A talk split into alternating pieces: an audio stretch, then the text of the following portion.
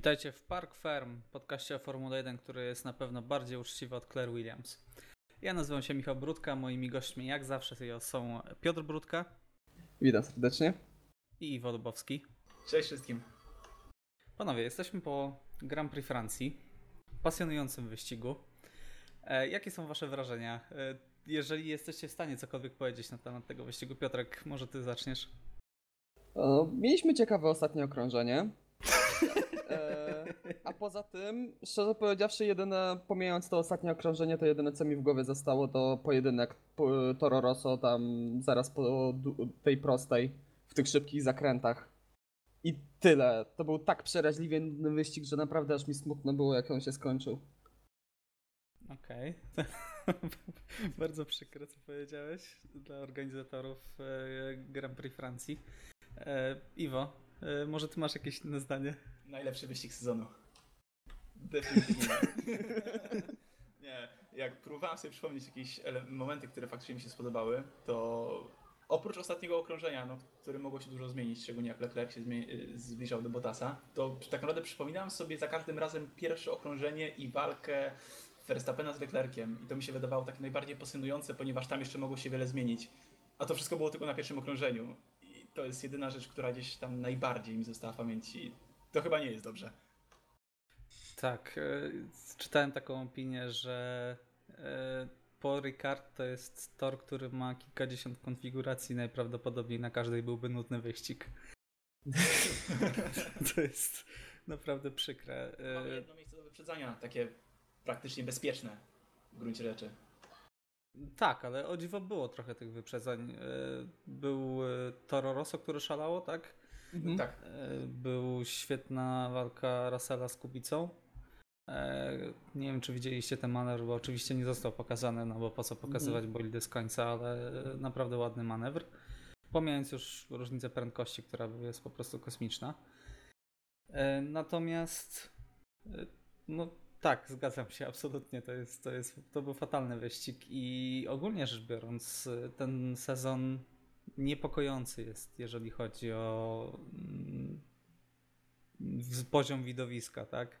Że tak to określę, bo e, momentami naprawdę brakuje słów i jestem ciekaw, ile dzisiejszy odcinek będzie trwać, bo tematów nie jest naprawdę za dużo. Jak po Kanadzie mogliśmy przebierać w tematach, mogliśmy e, dyskutować na temat różnych e, sytuacji, tak na temat afery z Vettelem, no to jak szukałem materiałów dzisiaj rano, to największą aferą jest to, że światła szybko zgasły.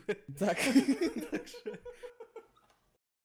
Bo prawda, prawdą jest, że naprawdę szybko zgasły, co, co też mnie osobiście zaskoczyło. Tak, ale jeżeli... E, nie zdążyłem no, rozsiąść tak, jeszcze. Tak, dokładnie. Nie, użyło, nie ułożyłeś się w fotelu, może dlatego był jakiś problem z fotelem Hamiltona. nie zdążył się ułożyć, a później już nie było czasu po prostu. E, tak, natomiast e, jeżeli mielibyście wyróżnić jakiegoś kierowcę e, albo zespół, to kogo mielibyście wskazać e, w tym momencie? Iwo, kogo byś wskazał? Ja myślę, że zostanę przy wyborze kierowcy dnia, bo też na Norrisa głosowałem, ale to też nie z perspektywy może całego, nie, nie, nie samego wyścigu, ale całego weekendu, bo to mhm. jest połowicznie dla McLarena i połowicznie dla niego, bo kurczę, jest to młody kierowca, który pokazał, że z tego bolitu można bardzo dużo wyciągnąć, jechał bardzo solidnie, no ostatnie okrążenie było dla niego niestety felerne, miałem nadzieję, że utrzyma swoje miejsce, a nie straci trzy, trzy pozycje, tak? Na końcu stracił. Tak. Tak. E, no i gdzieś tam miałem nadzieję, że faktycznie wysoko skończy. No niestety nie, nie była to jego wina. Niesmak jakiś tam pozostał, ale wielki szacunek dla niego, że mimo problemów z bolidem, które miał, i tak był w stanie faktycznie kilka ładnych kółek jeszcze pod koniec wyścigu przejechać. Także Norris z mojej strony. Mhm. Piotrek, zgodzisz się z tym? Masz jakiegoś innego może? Ciężko bohatera? wyróżnić tutaj kogoś. No, no, no, no, najbardziej został właśnie Norris mi w głowie po tym wyścigu, jak zmagał się właśnie z tymi problemy z, e, problemami z hydrauliką. E, no i chyba tutaj się właśnie zgodzę z Iwo, że Lando Norris zasługuje tutaj na wyróżnienie, bo naj, najwięcej emocji było z nim związane w tym wyścigu. Tak, świetny w kwalifikacjach przede wszystkim. Minimalnie tak. przegrał z Verstappenem, tak, o 9 e, tysięcznych. E, także w ogóle McLaren, jak weźmiemy pod uwagę, może przejdziemy od razu do tego, bo też to jest jeden z punktów, o których mieliśmy porozmawiać dzisiaj. Y, McLaren ma naprawdę bardzo dobry sezon. Jeżeli weźmiemy jeszcze pod uwagę, y, że mieli dużo problemów mimo wszystko, tak? Bo Sainz, Sainzowi wybuchł silnik w pierwszym wyścigu sezonu. W Chinach władowała się torpeda w nich E, Lando miał przecież e, w Kanadzie też dziwne, niezawinioną kompletnie tak. awarię, tak? Wcześniej też chyba nie dojechał w jakimś wyścigu. E, a mimo tego w konstruktorach mają 40 punktów, są na pewnym czwartym miejscu. Także jak skomentujecie tutaj? Czy, czy odejście Fernando Alonso dało odetchnąć zespołowi? E, I jak myślicie, czy, czy McLaren utrzyma to czwarte miejsce? Bo co by nie patrzeć, Renault też wygląda na coraz szybsze. I e, kto waszym zdaniem będzie na czwartym miejscu? McLaren czy Renault? Bo myślę, że między tymi zespołami rozegra się walka o to e, przodownictwo w Formule 1,5. Iwo, na kogo byś stawiał? tym tak na przestrzeni ostatnich wyścigów na McLarena, ale to z tego względu, że jest większe konsystencji po prostu, no są solidniejsi, jeżeli chodzi o cały pakiet, który dostarczają. A Renault miał albo dobre, bardzo dobre weekendy jak na nich, albo oba bolidy nie dojeżdżały w ogóle do linii mety, także ciężko jest mi stwierdzić. Fajnie, że jeździ już im się lepiej, e, niezależnie czy chodzi o kierowców, czy przede wszystkim o sam bolid, który jest sprawniejszy. Natomiast McLaren jest, wydaje mi się, solidniejszy teraz i łatwiej jest mi na nich postawić. Tak, w tym mhm. momencie. Czyli twoim zdaniem czwarte miejsce będzie pomarańczowe? Myślę, że tak. Piotrek? Ja się nie zgodzę. E, ja uważam, że to Renault zgarnie czwarte miejsce, ale głównie właśnie e, z tego, jak teraz zacząłeś Michał wyliczać, e, ze względu na niezawodność konstrukcji Renault. Myślę, że nie czystą prędkością, ale tym takim zdobywaniem konsekwentnych punktów Renault na koniec sezonu okaże się lepsze. No bo McLaren coś takiego ma w sobie, że oni bardzo często mają problemy z tą niezawodnością, że te bolidy w zeszłych kiedyś były naprawdę bardzo szybkie, ale bardzo często miały właśnie problemy róż, różnego typu usterki. No, Raikkonen I... przegrał mistrzostwo kiedyś przez to. Dokładnie, e, dlatego przed wtedy do, do Ferrari. E, ale właśnie widać to też w tym sezonie, że naprawdę cieszy, że e, odzyskują formę, E, ale no praktycznie co weekend mają jakieś tam e, różnego typu przygody, różnego typu problemy techniczne. Okej, okay, ale możesz na to spojrzeć e, inaczej. Rano też miało dużo problemów, tak? Bahrain, przypomnijmy, no to, tak, Bahrain... słynne odpadnięcie w jednym zakręcie dwóch bolidów z powodu awarii. Natomiast co się stanie, jeżeli McLaren poradzi sobie ze swoimi problemami? wtedy już Renault, Renault może zupełnie e, zostać z tyłu. E, a zwłaszcza jeżeli weźmiemy pod uwagę, że Renault tutaj przywiozło ogromny pakiet zmian. To była praktycznie druga wersja bolidu, e, jako że to było domowe Grand Prix, tak? A i tak wyglądali gorzej od McLarena. Czy no, wyglądali gorzej, ale biorąc pod uwagę, że na dobrą sprawę trzy wyścigi temu mówiliśmy, że jest totalny zawód, jeżeli chodzi o Renault. Mhm. E, I że na dobrą sprawę już zastanawialiśmy się, czy szef, czy pan Cyril Abitol, że zaraz nie pożegna za swoim stołkiem. Tak jak teraz są na dobrą sprawę, jeżeli chodzi o tempo wyścigowe, tuż za McLarenem to myślę, że jak na taką dużą fabrykę, jaką jest Renault, jeżeli utrzymają ten trend e, rosnący, jeżeli chodzi o ich tempo, to, to przegonią w pewnym momencie McLarena. Okej. Okay. Czyli... to chcemy obserwować, przepraszam, że przerwę, ale tak e, myślę, że właśnie to chcemy obserwować, niezależnie od, od opinii naszych, to, to też się z Piotrkiem zgadzam, no, mhm. to chcemy obserwować właśnie. Tak, jak najbardziej. Szkoda, Jeżeli... że na świecie nie ma tak wyrównanej rywalizacji. Dokładnie tak. Z tym się absolutnie zgodzę. Jest to naprawdę przykre.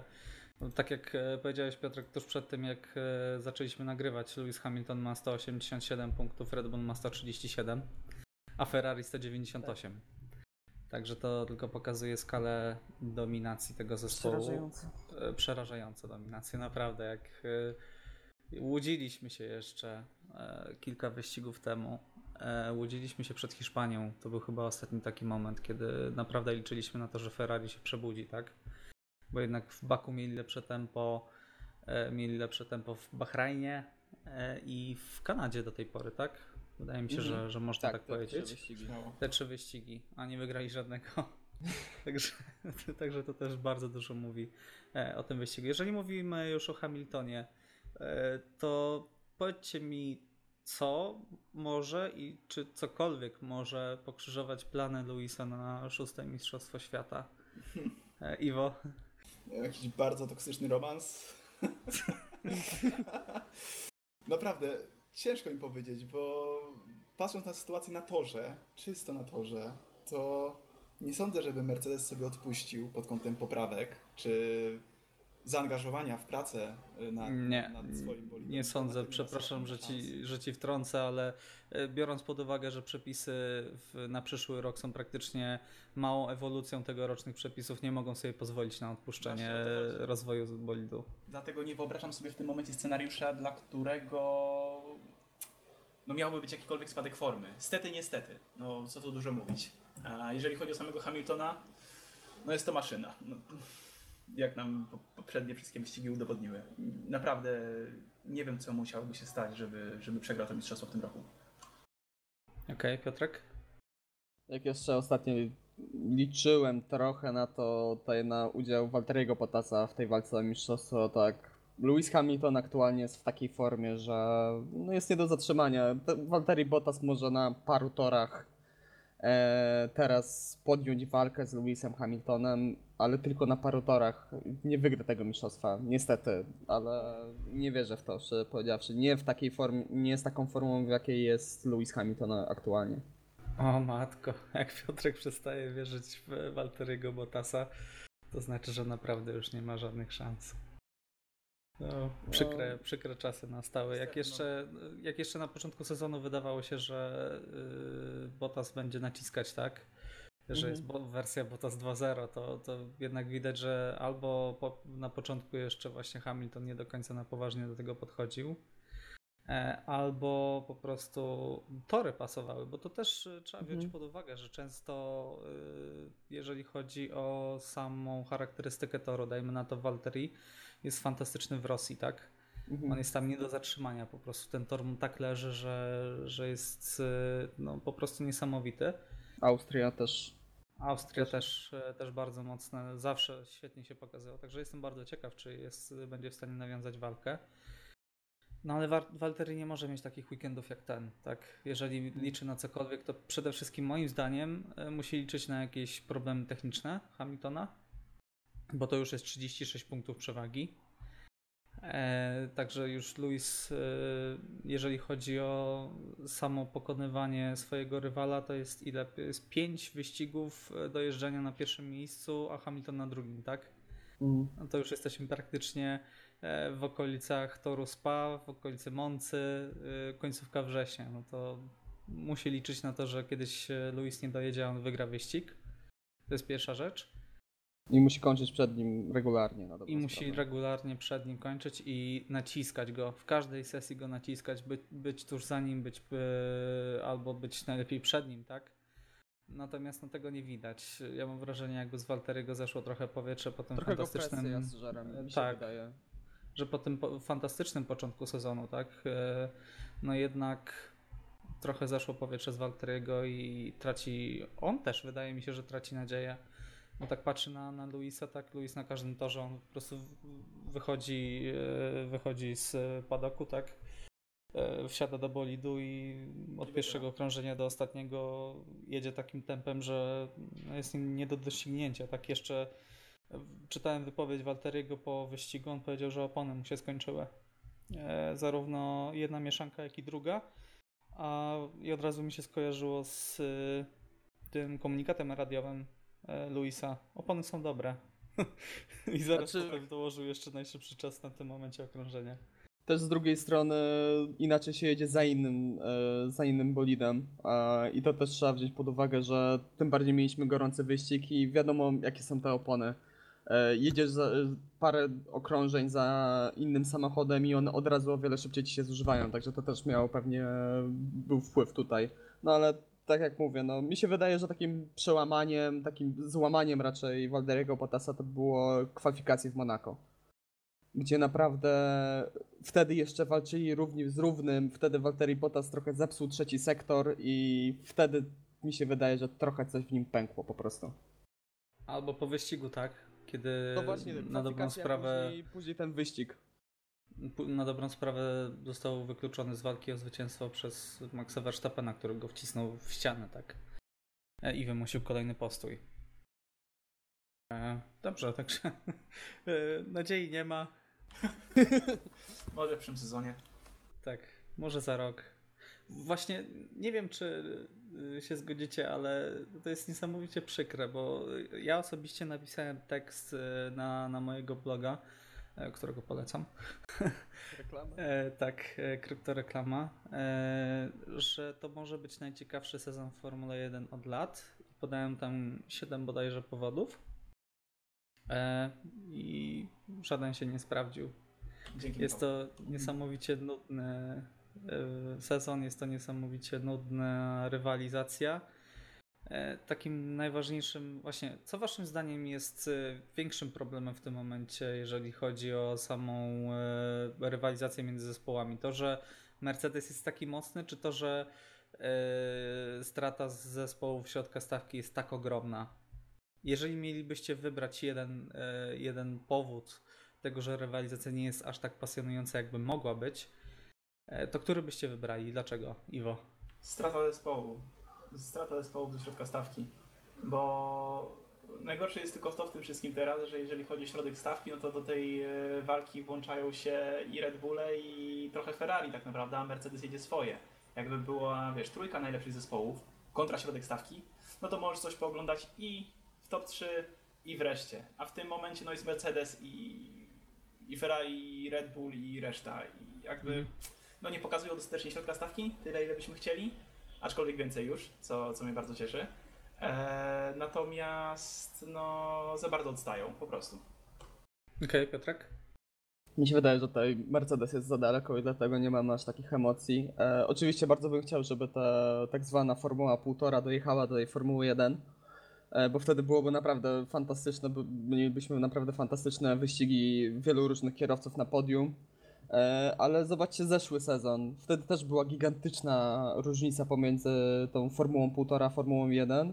E, I to był naprawdę dobry sezon. Przyjemnie się, dobrze się go oglądało, były tam emocje, były te emocjonujące wyścigi. No ale jeżeli tutaj mamy, jesteśmy praktycznie przed każdym Grand Prix pewni, że dwa pierwsze miejsca tam będzie Mercedes, no to czym, nie, ma, nie ma się czym na, na dobrą sprawę emocjonować, no bo nie ma takich emocji, kiedy jest walka o piąte, szóste miejsce, a jak mamy walkę koło w koło o pierwsze miejsce, czy na to drugie miejsce. Okej, jest- ale ja nie do końca się zgodzę.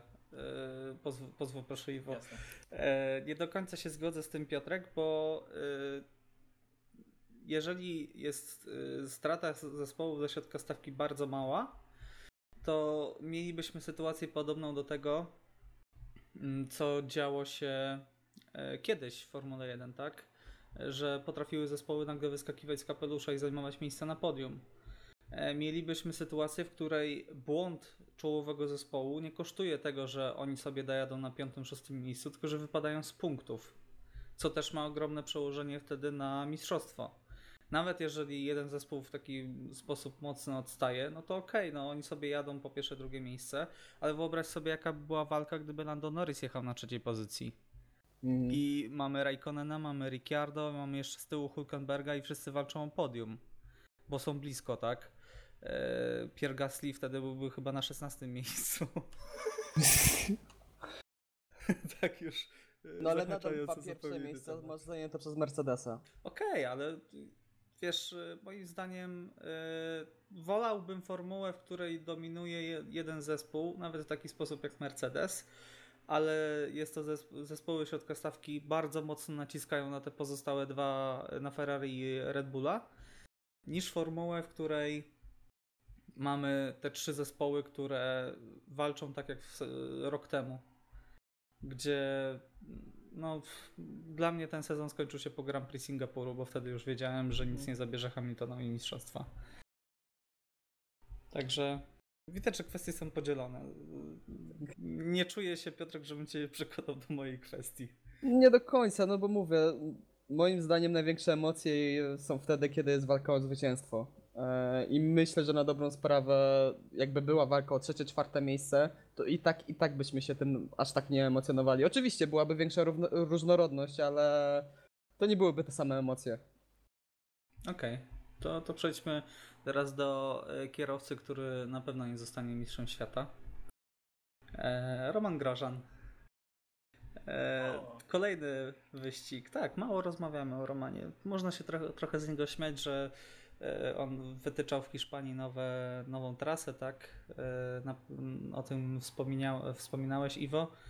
Tutaj miał duże pole do manewru, bo Tor ma wiele konfiguracji, ale jak widać z tego nie skorzystał. Skorzystał natomiast z radia. Ja mam wrażenie, że radio powinno się Romanowi wyciszać w momentach, w których nie, ktoś go wyprzedza. Nie, nie to dodaje kolorytu, tak? Dokładnie. Dopóki jest w Formule 1, to niech mówi jak najwięcej. Zgadza się.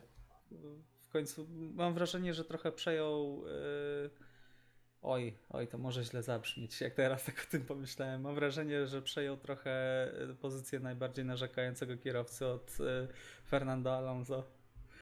E, Fernando brakuje, narzekał na inne rzeczy. Brakuje jakichś perełek. Tak. brakuje tutaj. Fernando narzekał na inne rzeczy, tak? Że bolid jest wolny. Zespół. Tak, że na swój zespół, na swój silnik, na, na opony E, na niebieskie flagi. Na e, Palmera. Na Palmera, tak, karma. E, natomiast to mam wrażenie, że im dłużej trwa kariera Romana Grożana w Formule 1, tym bardziej jest on zagubiony na torze. To jest kierowca, który naprawdę był szybki w czasie, w którym stawał na podium wielokrotnie z Lotusem.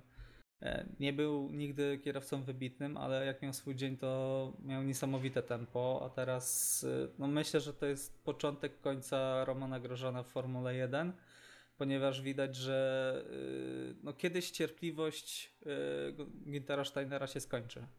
Nie wiem, czy, czy zgodzicie się z tym, że mm, nie mówię koniecznie w tym roku, tak, ale znaczy w tym sezonie jeszcze, ale, ale po tym roku myślę, że, że mm, nie zobaczymy w Australii w 2020 roku Romana Grożana. Iwo? No niestety też nie mam, nie widzę zbyt optymistycznej perspektywy dla niego. A ciężko jest mi powiedzieć, czy to będzie jakiś taki sam fakt, że Haas stwierdzi, że nie chce z nim dalej współpracować, czy psychicznie Grożan po prostu będzie miał dość, bo to, że jest kierowcą no, bardzo średnim w tym momencie, tak też y, ich bolid ma problemy i można powiedzieć, że jedno, nachod- jedno nachodzi na drugie, e, nie daje mu żadnej możliwości zwyciężania. Obraz Grożana powstał jaki powstał, nawet patrząc na serial Netflixa, który tak, bardzo tak. wiele osób spoza, y, którzy nie byli wcześniej fanami Formuły 1 oglądali, oglądają i oglądali. I mam dziwne wrażenie, że też może być jakiś mały wpływ na jego wizerunek. To, że średnio jeździ w tym momencie w średniej ekipie i to może być kwestia psychiki. Nawet nie samego faktu, że Has będzie chciał się z nim definitywnie pożegnać, a raczej to może być też jego wola. Okej, okay, Piotrek? Myślę, że Has z niego zrezygnuje i to już widać, że e, stawiają głównie na Kevina Magnusena między innymi dlatego, że nie, otrzymał nowego zawieszenia na to Grand Prix e, Roman Grosjean, ale to też widać, Na Grand Prix Francji, tak, zaznaczmy. na swój domowy wyścig. E, widać, że Grosjean jest coraz bardziej z Grand Prix na Grand Prix coraz bardziej nerwowy, e, bo nie wiem, czy widzieliście jego reakcję na to, jak zblokował koła w drugim treningu. Chwilę nie. potem, e, chwilę potem jak e, stracił pierwszy trening, wyjechał na pierwsze, praktycznie pierwsze pomiarowe kółko i strasznie zblokował prawą przednią oponę. I praktycznie zaczął krzyczeć na inżyniera, że tak, czy oni tak. coś zmieniali w bolidzie, czy oni coś tam zmieniali, e, bo to nie powinno się wy, wy, wydarzyć. I chwilę potem, jak inżynier powiedział, że są zbyt duże wibracje, muszą zjechać, to niecenzuralnie odpowiedział, że jego to już nie obchodzi. Ojej. E, no dokładnie. I do tego dochodzą te narzekania, o których już mówiliście, z wyścigu na wyścig. I to widać, że po prostu, że to jest już na dobrą sprawę koniec Romana Grożana w hasie i co za tym idzie w Formule 1, bo nie wierzę, żeby ktokolwiek go zatrudnił. I już rok temu y, dużo mówiło się o tym, że Has zrezygnuje z Grożana nawet podczas, w trakcie sezonu. Wtedy jeszcze mieliśmy z wyścigu na wyścig wypowiedzi Gintera Steinera. Roman nam zaufał wtedy, kiedy zaczynaliśmy. Przyszedł w ciemno praktycznie do naszej ekipy. Ufamy mu, dziękujemy, wierzymy w niego. Teraz już czegoś takiego nie ma. Tak. E, Mam wrażenie, że tutaj cierpliwość się wyczerpała i zwalnia się. e, Być może, ja nie mówię, mo, może jeszcze Gintersteiner co wymyśli, może Roman się nagle przebudzi i znowu zaliczy kilka dobrych występów jak w zeszłym roku, które uratowały mu e, posadę. Natomiast szczerze powiedziawszy wątpię, tak? I jak Ro, Roman jest to naprawdę e, przeciętny kierowca. No, punkty mówią swoją historię, tak? E, Haas ma 14 punktów, e, Roman ma 2, znaczy Haas ma 14, Magnussen ma 14 punktów, Roman ma punktów 2, punkty 2. Także no widać ogromną dysproporcję, tak? Załóżmy, że w tym momencie Roman dokłada też 14 punktów, tak? Dorównuje swojemu koledze z ekipy i w tym momencie Haas jest na szóstym miejscu. E, zamiast na miejscu e, Nie, tak na- nie czwarty. sta- Nie, miałem na myśli Teraz na jest na dziewiątym, tak? stawiali przed sezonem, co planowali. No tak, no do, do czwartego miejsca by im brakowało, ale by przeskoczyli z dziewiątego na szóste. A to już, jeżeli chodzi o same pieniądze z Formuły 1, to na pewno jest ogromna różnica. Tak. Także y, każde, y, cierpliwość każdej osoby się kończy i mam wrażenie, że włodarze Hasa y, przedarli, y, przedarli oczy i, i, i już będą się żegnać z Romanem. Myślę, że Roman też y, odetchnie trochę z ulgą, tak? Bo to na pewno nie jest przyjemne, kiedy przegląda później wypowiedzi, przegląda media i jest krytykowany non-stop i jest wyśmiewany nawet teraz. Mhm. Gdzie z- jest każdy jego komunikat praktycznie, gdzie on, on może i czuje się pokrzywdzony, tak? E, A jest wyśmiewany po prostu i na pewno nie jest to przyjemne. Także jeżeli zakładamy, że Grożan odchodzi z e, zespołu Has, no to zwalnia się jedno miejsce. I porozmawiajmy, bardzo płynne przejście, bardzo mi się to podoba, do, do Roberta Kubicy. E, Po- Polak pokonał pierwszy raz George'a Russella. E, Co prawda dzięki temu, że George Russell musiał zjechać na kolejny pit stop Po swoim błędzie. po swoim, natomiast po swoim błędzie, dokładnie tak. I nie w, podczas e, walki z Robertem, co mu, o czym mówił w wywiadzie, tylko kiedy popełnił błąd i najechał na krawężnik. Nie, Tak, nie takie lekkie, No, takie Wysoki, wysoka tarka. wyższe, wyższe tarki po prostu. No, także tutaj mamy kolejny przykład na trwałość bolidu zespołu Williamsa. Najechanie na tarkę powoduje te, to, że musisz zjechać po nowe skrzydło. Ale o Natomiast tym wiemy od pierwszego wyścigu. tak, dokładnie. Mógł się spodziewać. Czyli jego wina, jak najbardziej. E, Natomiast porozmawiajmy o Robercie Kubicy, bo ostatnio było sporo wiadomości. E, My też unikaliśmy mocno tego tematu e, w ostatnich wyścigach, no bo o czym tu było, nie, nie było za bardzo o czym mówić, tak? E, Widać na, jak na dłoni, że Robert ma gorszy nadal bolid od swojego zespołowego kolegi. E, Widać to było także w tym wyścigu, bo no, Robert widać, że je- jeździ naprawdę świetnie na starcie. Za każdym razem startuje dużo lepiej. E, Przebija się. No inna sprawa, że po trzech okrążeniach wszyscy, których wyprzedza na starcie, już są przed nim. E, Natomiast e, to radzi sobie przyzwoicie, biorąc pod uwagę to, jaki ma sprzęt, e, co najmniej przyzwoicie. I powoli naprawdę zmieniam swoje zdanie na temat powrotu Roberta bo mimo wszystko patrzyliśmy, umieściliśmy go w rankingu rozczarowań, tak, po pierwszej części sezonu. Mhm. Natomiast ja bym w tym momencie już Roberta z tej listy wycofał. E, Także jak sądzisz, e, Piotrek, czy, czy zgadzasz się może na początek z tym, że Robert e, pokazuje trochę pazura?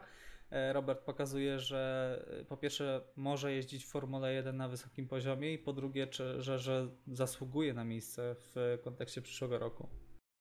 Tak, myślę, że w pełni się z Tobą zgodzę. Na dobrą sprawę te porównanie onboardów z Kanady, z kwalifikacji było takie z jednej strony bolesne, ale z drugiej strony można powiedzieć, że trochę uspokajające. E, bo boli George'a Russella, Russell strasznie zyskuje na tych prostych i Robert widać, że no, tak jak powiedziałeś, z wyścigu na wyścig naprawdę te starty są bardzo dobre, zawsze się bardzo sprytnie znajduje na torze, unika jakiejś e, tej złych historii, jakichś tam kontaktów niepotrzebnych. E, I jak startuje za Russellem, praktycznie no zawsze na tym starcie znajduje się przed nim, także Mhm. e, no tak jak powiedziałeś, ja też bym też umieszczałem Roberta jako rozczarowanie na początku po tych pierwszych czterech wyścigach, ale teraz też, też bym usunął go z tej listy. Iwa, zgodzisz się z tym? Tak, Czy... tak. I tutaj myślę, że dowodem najlepszym jest y, wyścig Monaco, po którym o tym rozmawialiśmy i no to jest dowód na to, że można i kwestia a, po prostu tego, czym jedzie w tym momencie. Więc mm, uważam, że największą zbrodnią, no dobra, nie przesadzajmy, może nie największą zbrodnią, ale wielką szkodą by było faktycznie, a nie zobaczyć Roberta po prostu w innym bolidzie, żeby mieć dla świętego spokoju nawet porównanie. Tak, no, je, jeżeli odpukać y, Robert nie dostanie fotela na przyszły rok, to będzie ogromny niedosyt. I poczucie nawet krzywdy, bym powiedział, w e, stosunku do polskich kibiców, którymi się- na pewno się- jesteśmy. To się wypluwa chyba, nie odpukuje. No nie wiem, no, y, także tak czy inaczej. y, Porozmawiajmy trochę o sytuacji właśnie w Formule 1 w kontekście przyszłego roku. Y, Mieliśmy Roberta w, na konwencji, konferencji Orlenu. Mieliśmy bardzo ciekawe wypowiedzi dyrektora Orlenu, pana Obajtka, tak? Natomiast wypowiedzi były o tyle ciekawe, że ton jest trochę inny niż na początku roku, bo Robert ma podpisaną umowę 1 plus 1, tak? E, Rok i ewentualne przedłużenie na kolejny rok. Natomiast e, ton rozmowy jest taki, że szukam bolida, e, bolidu, e, szukam miejsca Robertowi, które jest lepsze niż Williams e, w przyszłym roku. E, I to mnie o tyle ciekawi, że, że są, po pierwsze są bardzo zadowoleni z inwestycji w Roberta, e, że na dobrą sprawę wizerunkowo już im się to całkowicie zwróciło. No, jest y, bolid Williamsa dosyć często pokazywany przy dublowaniu, także logo Orlenu też jest wyeksponowane. Może nie do końca w ten sposób, który Orlen by sobie to życzył, natomiast na pewno. Ale reklama jest. Reklama jest, dokładnie. E, Nie, nie ma czegoś takiego jak e, zła prasa, jest takie powiedzenie. E, Także e, Piotrek, jak sądzisz, czy tutaj e, Twoim zdaniem prowadzone są jakieś e, rozmowy? Bo było wspomniane, że prowadzone są rozmowy i wymieniono tutaj Alfa Romeo i Hasa.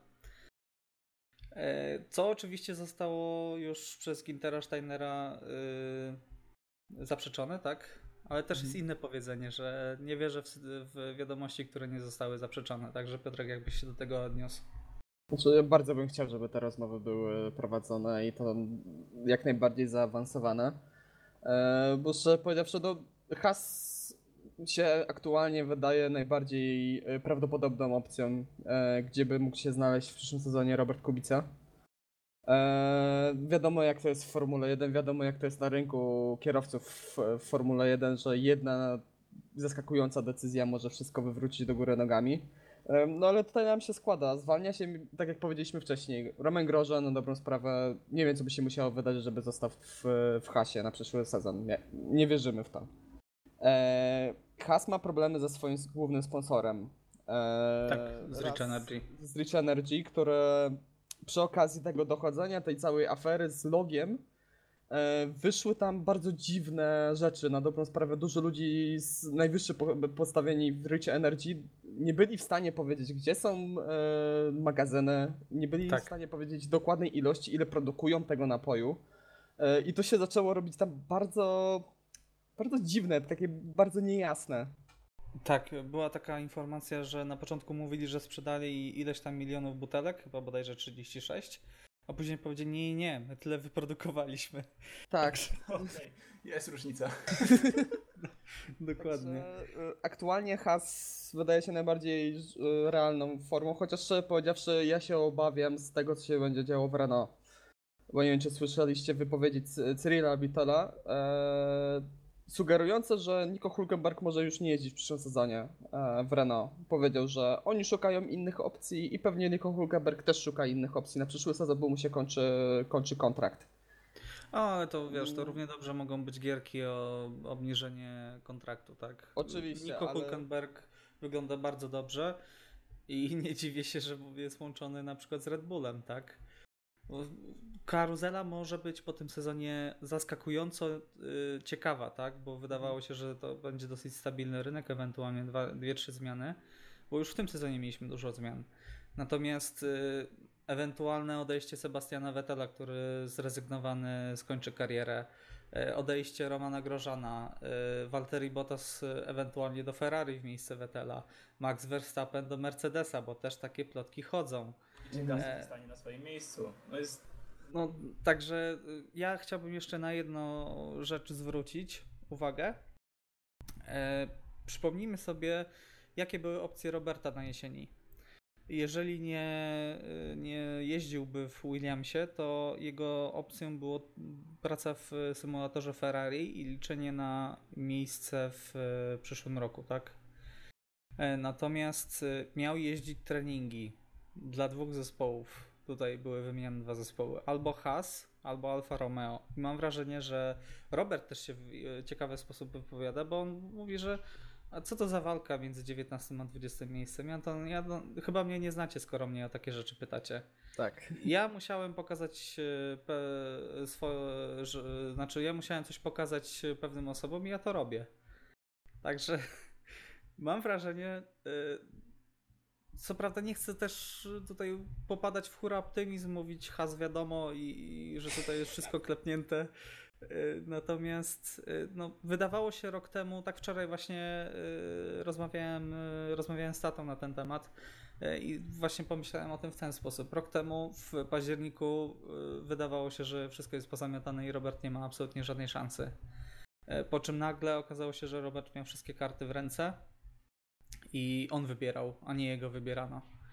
Także teraz y, myślę, że mimo tego, że jest y, zdaniem wielu objeżdżany przez y, George'a Russella, to mimo wszystko Russell jest mistrzem Formuły 2, jest zapowiadany na następcę Hamiltona, jest kierowcą, który będzie prawdopodobnie w przyszłości jeździć w Mercedesie i widać, że Robert jeździ gorszym sprzętem, także mm, no mam nadzieję, że ludzie, którzy będą decydować o przyszłości Roberta, widzą to, co się dzieje w Williamsie. Mhm. są świadomi i, i też patrzą na to, po, patrzą na onboardy na przykład, bo wystarczy naprawdę obejrzeć kilka onboardów, żeby zobaczyć, jak, e, jak jest to, jakie są różnice między bolidami e, i jak to się będzie rozwijać. No, Ale mamy, też, tak? też, też trzeba pamiętać, że od przyszłego sezonu praktycznie na 100% wejdzie Nicolas Latifi e, Tak. na rynek transferowy, który też może na, namieszać. Ma bardzo duży budżet i wiem, że on jest teraz kierowcą Williamsa, ale coś mi mówi, takie moje przeczucie, że on też może szukać innych alternatyw, że się nie ograniczy tylko do Williamsa, tym bardziej patrząc na to, w jakiej formie jest Williams w tym sezonie. Okej. Także będzie, będzie ciekawie na rynku transferowym, przynajmniej tam. No to wiesz, Force India jest zawsze, nie? No ale tam jest Sergio Perez. No wiesz, y, Meksyk wycofuje swoje wsparcie.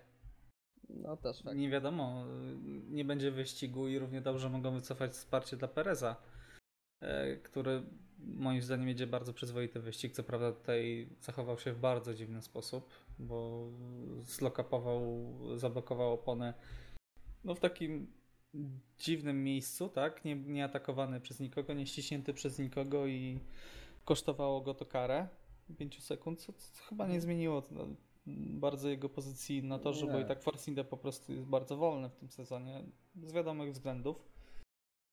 Natomiast y, no jest to ciekawe, tak? Mamy końcówkę czerwca, już zaczynają się pierwsze rozgrywki, e, zaczyna się tak zwany silly season e, i będzie to coraz głośniejsze, tak? Mam nadzieję, że tak jak mam nadzieję, że wy, że wy też e, się z tym zgodzicie, że Robert znajdzie miejsce e, w zespole lepszym niż zespół Williams, w zespole, który będzie go traktować e, tak, jak na to zasługuje, Poważnie. poważnie, tak, e, i w którym e, pokaże wszystkim przeciwnikom, e, że jest nadal bardzo szybki. Ale, ale puenta mi wyszła. Tak, pięknie to zabrzmiało. Tak. Oby tak No. było. No, wszyscy chcemy tego doczekać, myślę. Dobrze, to jeszcze zahaczmy, yy, zbliżając się powoli do końca. No takie pytanie, które powstało głównie z tego, że nie ma już o czym rozmawiać, jeżeli chodzi o Grand Prix Francji. Chyba, że macie coś jeszcze do dodania. O tak jak myślałem. Tak, o samym Grand Prix.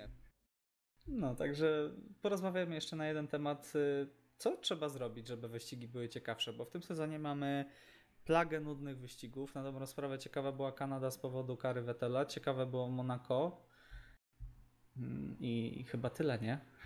Chiny uważam, że było całkiem ciekawe No, no ale biorąc pod uwagę, jak ciekawe mogą być wyścigi Formuły No tak. 1, to jednak, y, no jednak jest kiepsko, tak? Nie i co trzeba. Azerbejdżanu przeżyć cały czas.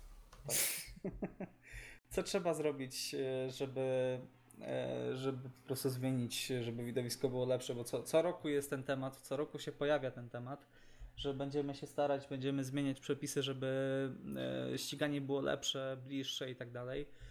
E, Czy to jest może wina torów, czy, czy wina y, przepaści między tą Formułą 1 a Formułą 1,5, czy, czy mamy, czy trzeba zmienić po prostu zasa- zasady na przykład e, regulaminy techniczne, e, żeby bolidy może przypominały, były trochę wolniejsze, ale przypominały bolidy Formuły 2, w której jest praktycznie na każdym torze niesamowita walka. Czy może w Formule 2 jest niesamowita walka, e, dlatego że tam są po prostu kierowcy nieco gorsi albo mniej doświadczeni niż w Formule 1? E, Jak na to patrzycie? E, Iwo, e, co byś zmienił w Formule 1 w tym momencie? Jako Mm. widz, który ogląda Formułę 1 niewiele ponad rok. Znaczy przede wszystkim głównym argumentem, e, który, inaczej, głównym aspektem, który uważam powinien się zmienić jest no, przepaść, jest e, różnica pomiędzy bolidami e, czołówki i aktualną Formułą 1,5. E, Także no, regulacja, z- regulacje związane z technikaliami, czyli pewnie nie wiem, większą ilością części Uniwersalnych? uniwersalnych, dokładnie. A może to by wpłynęło pozytywnie, pozytywnie na, na kompetytywność, no bo to jest uważam tutaj najistotniejsze. Może niektóre tory nie pomagają, na przykład Zandvoort, który ma się pojawić, nie wiem czy jest specjalnie pomocny z tego względu, że jest to bardzo wąski tor i nie spodziewam się, żeby był specjalnie widowiskowy również w Formule 1 w bolidach, przy bolidach, które są bardzo szerokie aktualnie. Tak, e, przede wszystkim, przede wszystkim e, różnice w bolidach powinny się zmniejszyć.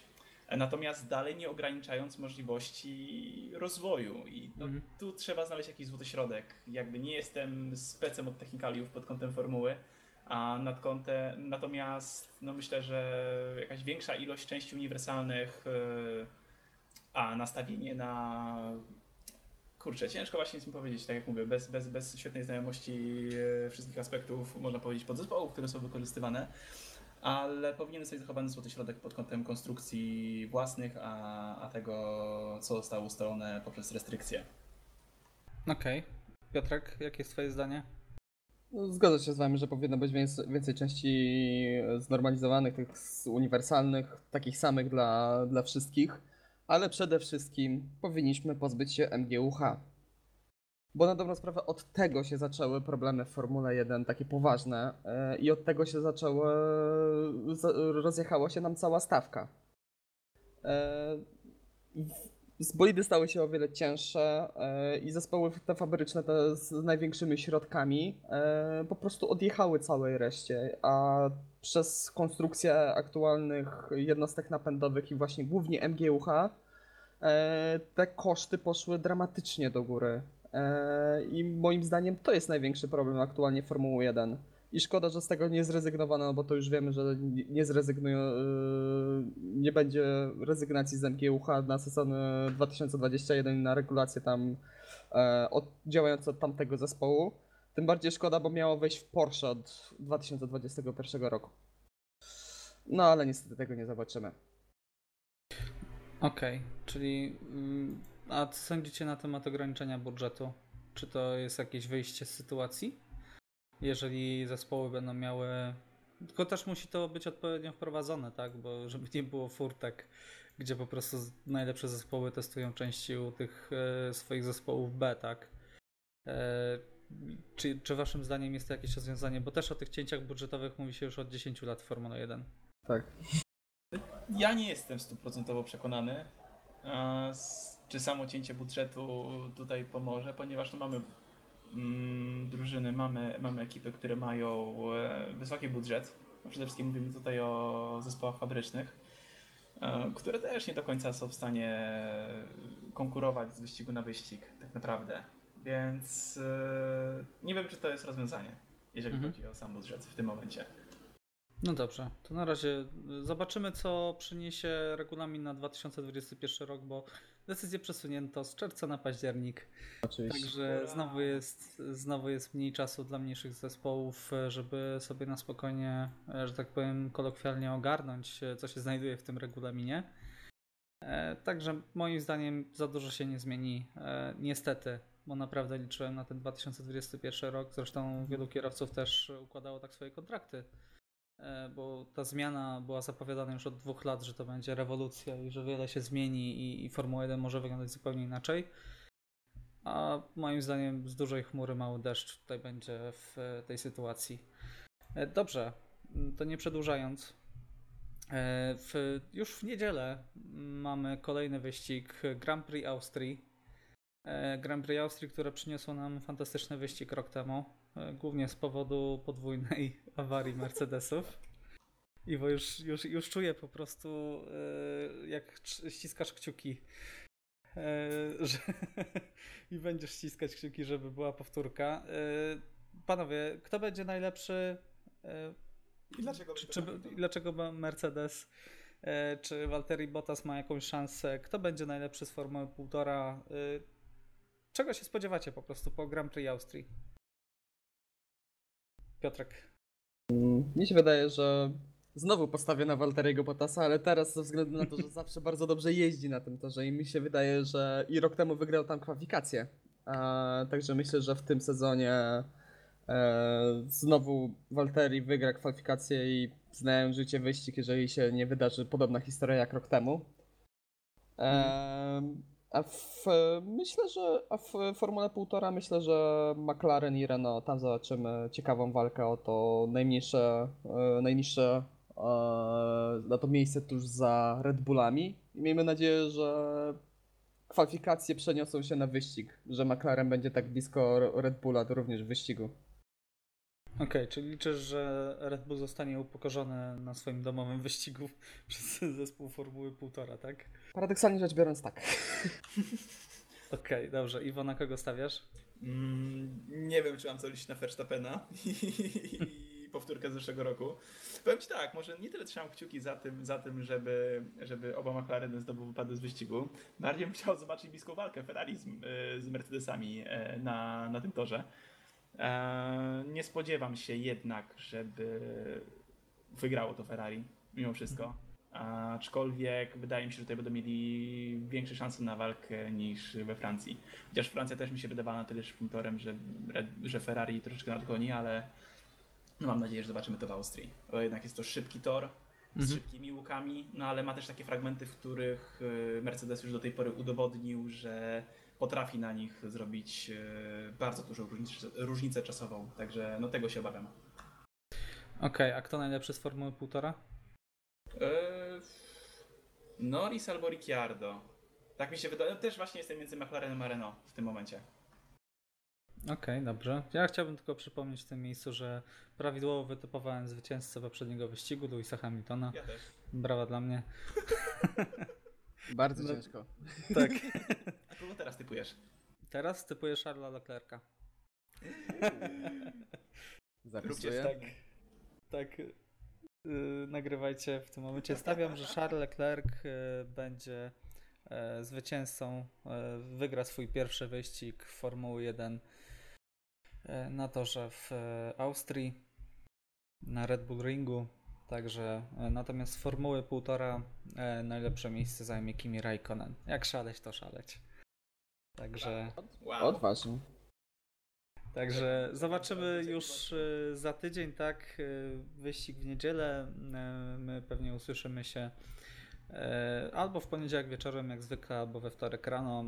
Możecie nas słuchać na wielu platformach streamingowych, na Spotify, Google Podcast. Jeszcze ta platforma Apple, jak się nazywa? Przypomnijcie mi. Apple Podcast. Ach, ale trudna nazwa do zapamiętania. E, tak, i wielu innych e, platformach streamingowych, także słuchajcie, subskrybujcie. Dziękujemy Wam e, za dotrwanie z nami do tego momentu. Dziękujemy za uwagę. No i słyszymy się za tydzień. Razem tutaj z Wami spędzali, spędzali czas Iwo Lubowski, Dzięki, do usłyszenia. Piotr Brudka Dziękuję bardzo. i Michał Brudka. Do usłyszenia, trzymajcie się.